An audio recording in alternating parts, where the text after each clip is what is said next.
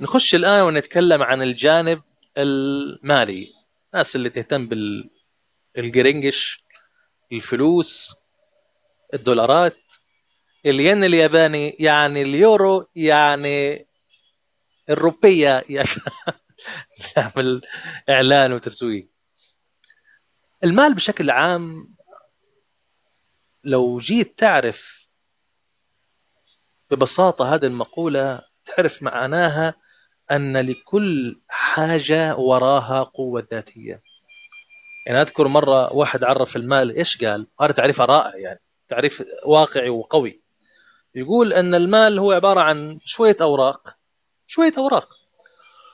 ولكن الذي يميز هذه الأوراق عن بقيتها آه، بأنها تحمل قوة هائلة.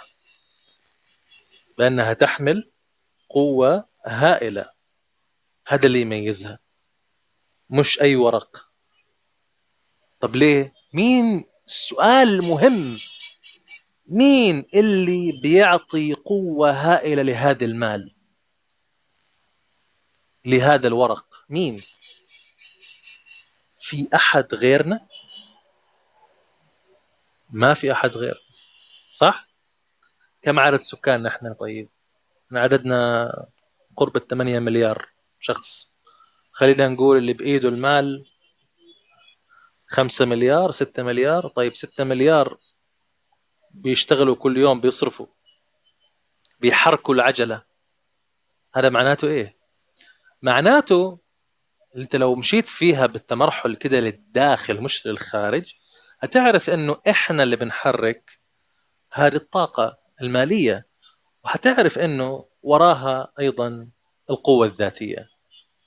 يعني لو الناس قالت خلاص ما نبغى نتعامل مع المال الورق هذا ما نتعامل معه خلاص بنشوف شيء ثاني هل حيكون لها قوة؟ هل حيكون لها حركة؟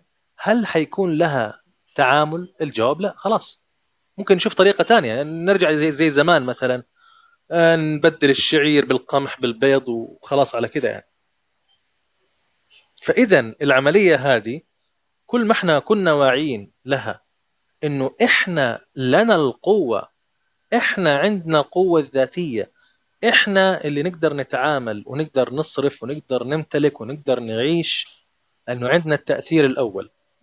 إذا إحنا رمينا الاحتياج للمال على إنه هو أعظم منا أهم منا أقوى منا عمرك ما حتحصل.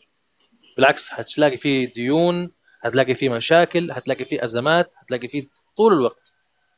فإذا العملية هذه عملية داخلية. تبدأ منك أنت بأنك أنت كل يوم تذكر نفسك حتى تصدق الفكرة. Fake it till you اخدع حتى تصدق حتى تفعلها. اخدع يعني خليك خادع لها. it's okay okay. يعني اكذب عادي بس لمصلحتك هذه المرة يعني. okay إنك أنت yes أنا عندي القوة الأعلى. أنا عندي القوة الذاتية أنا أقوى من المال أنا أقوى من المال أنا أقوى تأثير أنا أنا أؤثر أكثر على المال. خذ هذه التوقيت توكيدات يعني بهذه العملية تقدر أنت توجه هذه القوة لصالحك.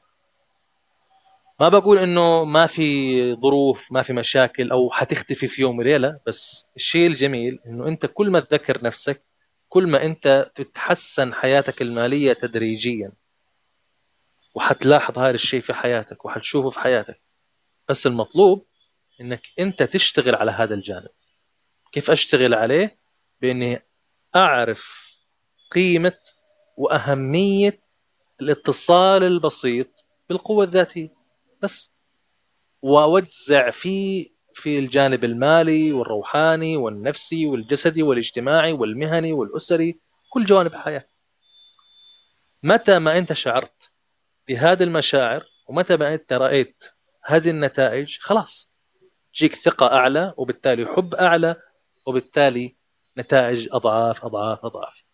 هذا كان بالنسبة لوضعنا مع الاتصال بالقوة الذاتية. نلتقي غدا.